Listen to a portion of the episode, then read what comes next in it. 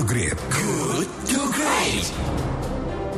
Jam 7 lebih 18 waktu Radio K-Light FM pagi ini dan terima kasih Anda masih bersama saya di Good to Great because good is the enemy of great. Kita akan memasuki sesi diskusi dan akan membahas tema tentang paradoks pembebasan napi di tengah pandemi corona. Untuk menekan laju penyebaran wabah corona pada tanggal 8 April 2020 Kemenkumham membebaskan lebih dari 35 ribu napi melalui asimilasi dan integrasi.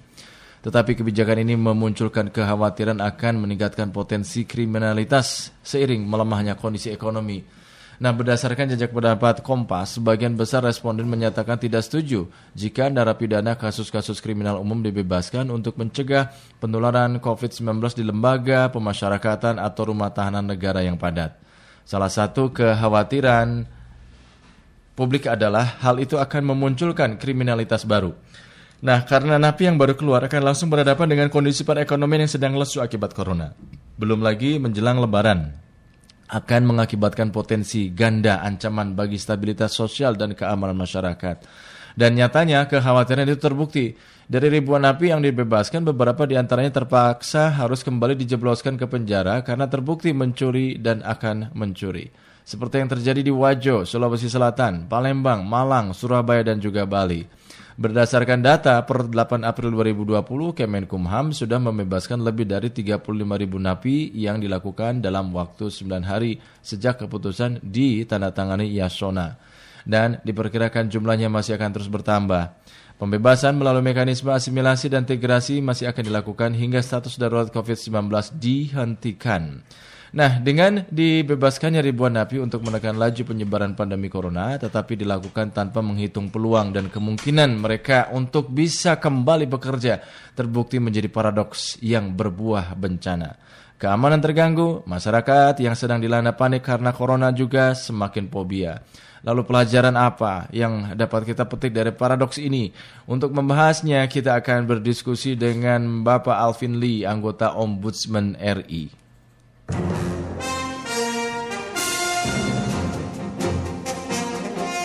Selamat pagi Pak Alvin Lee. Selamat pagi Mas Isu. Bagaimana kabar Anda Pak Alvin? Baik, tapi prihatin. Ah, prihatin kenapa nih Pak Alvin? Ya, satu da dalam suasana wabah corona ini mm -hmm. kita ditambahin masalah sosial hmm. yaitu dilepaskannya napi yang sebelum uh, yang sebetulnya belum waktunya untuk mereka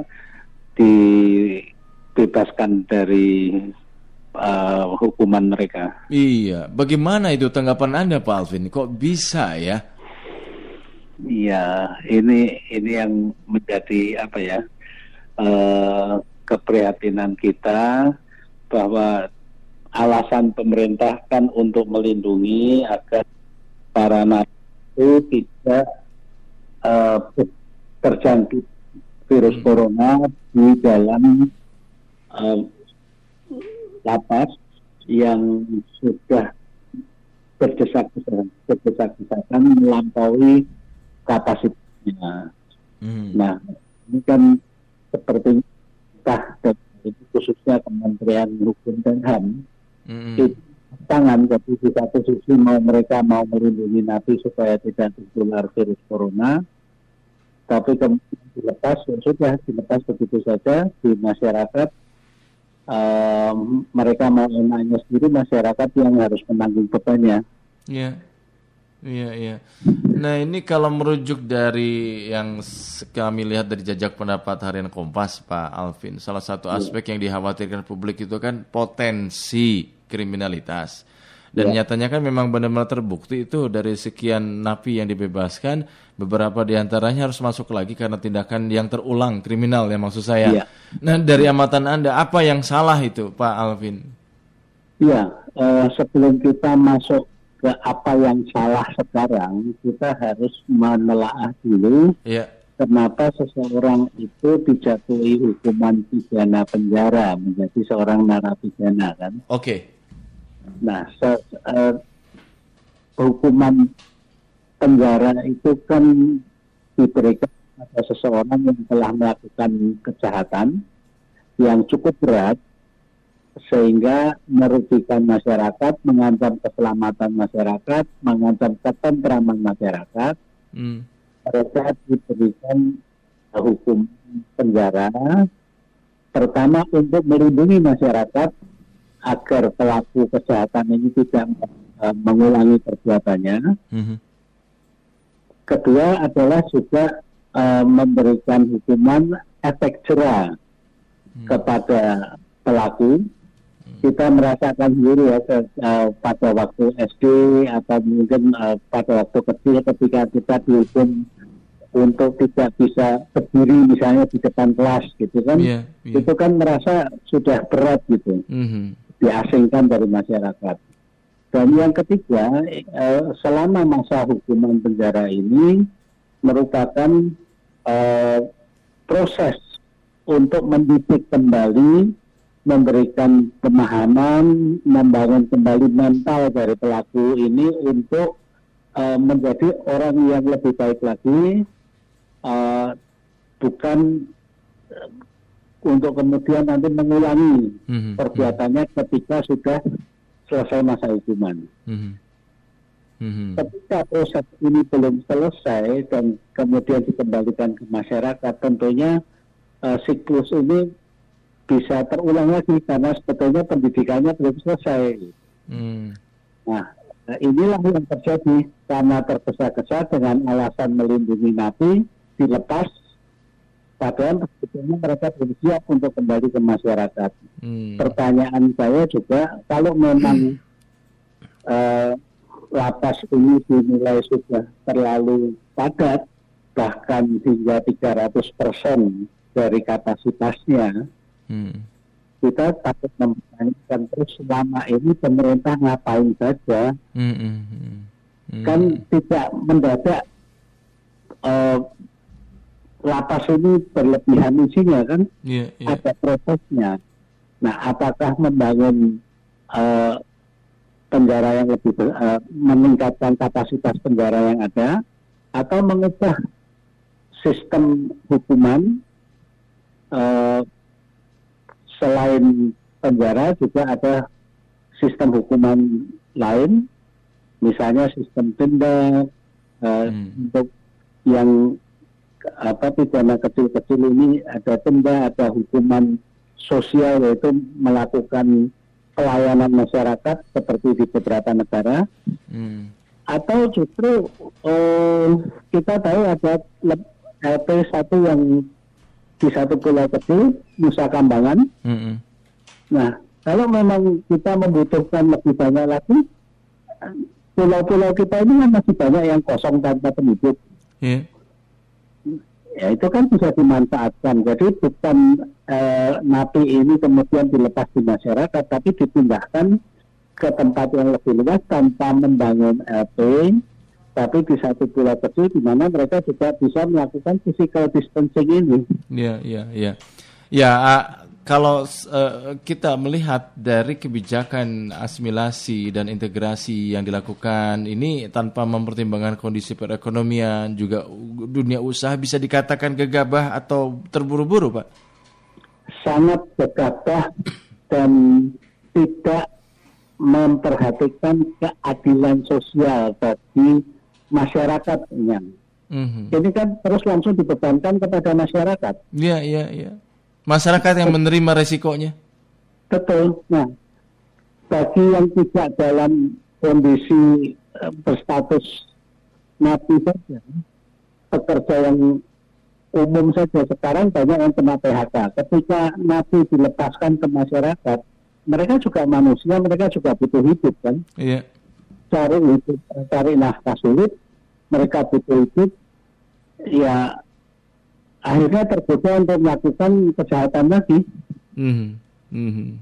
Hmm.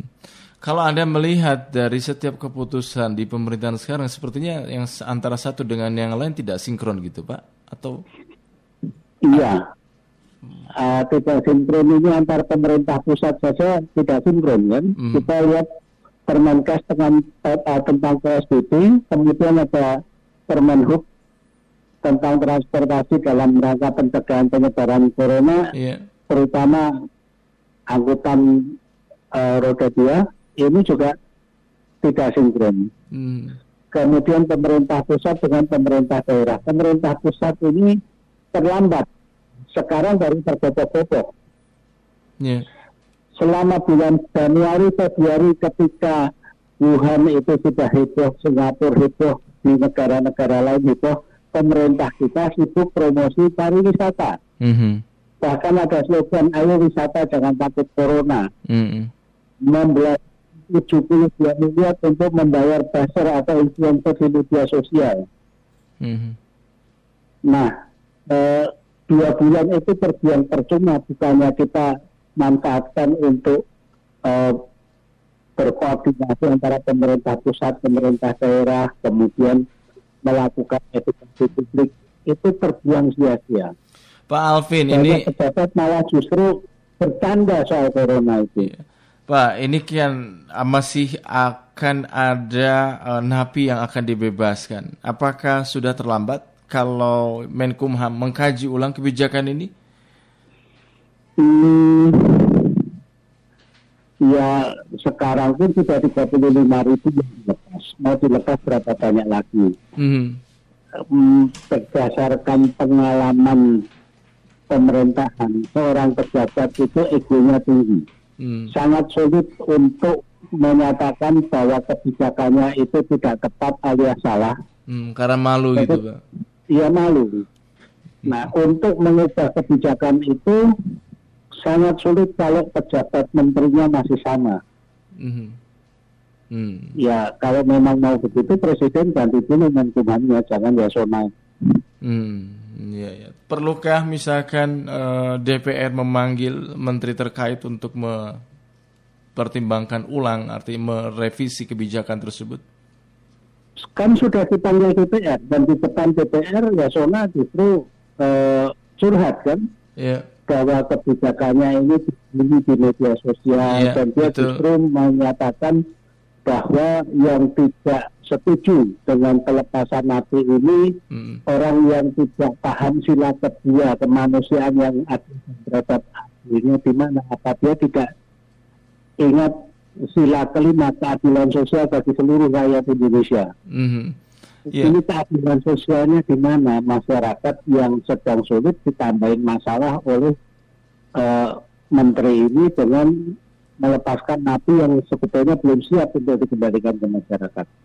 Ya, artinya masih tidak mempan. Maksud saya tidak perlukah itu memanggil ulang atau memanggil kembali untuk segera memutuskan yes tidak gitu kebijakannya tidak perlu diteruskan gitu. Eh, saya kira dipanggil 10 kali ke DPR pun kalau menterinya sama akan tetap sama ya. Sekarang kita tinggal mendesak presiden agar eh, presiden ini kan penanggung jawab Mhm. semua keputusan kabinet. Karena presiden ini yang dipilih oleh rakyat, yang diberi mandat oleh rakyat sebagai kepala negara, kepala pemerintahan. Mau dan mampukah Pak untuk memanggil itu menurut Anda? Nah, ini diperlukan tekanan masyarakat, opini publik, dan juga tekanan media agar presiden eh, menegur atau bahkan mengganti pembantunya. Presiden ini punya hak setiap saat mau mengangkat seseorang jadi menteri atau memberhentikan menteri. Iya. Ini hak sepenuhnya oleh presiden. Hmm. Tapi sepertinya itu belum digunakan ya Pak ya. Iya dan banyak menteri-menteri yang mengeluarkan kebijakan aneh-aneh juga dibiarkan. Baik, baik Pak Alvin. Terima kasih atas waktu kita bincang-bincang pagi ini Pak Alvin. Sukses Terima dan kasih, sehat terus Pak Alvin. Selamat pagi. Selamat pagi. Ya demikian sahabat kira Pak Alvin Lee, anggota Ombudsman Republik Indonesia.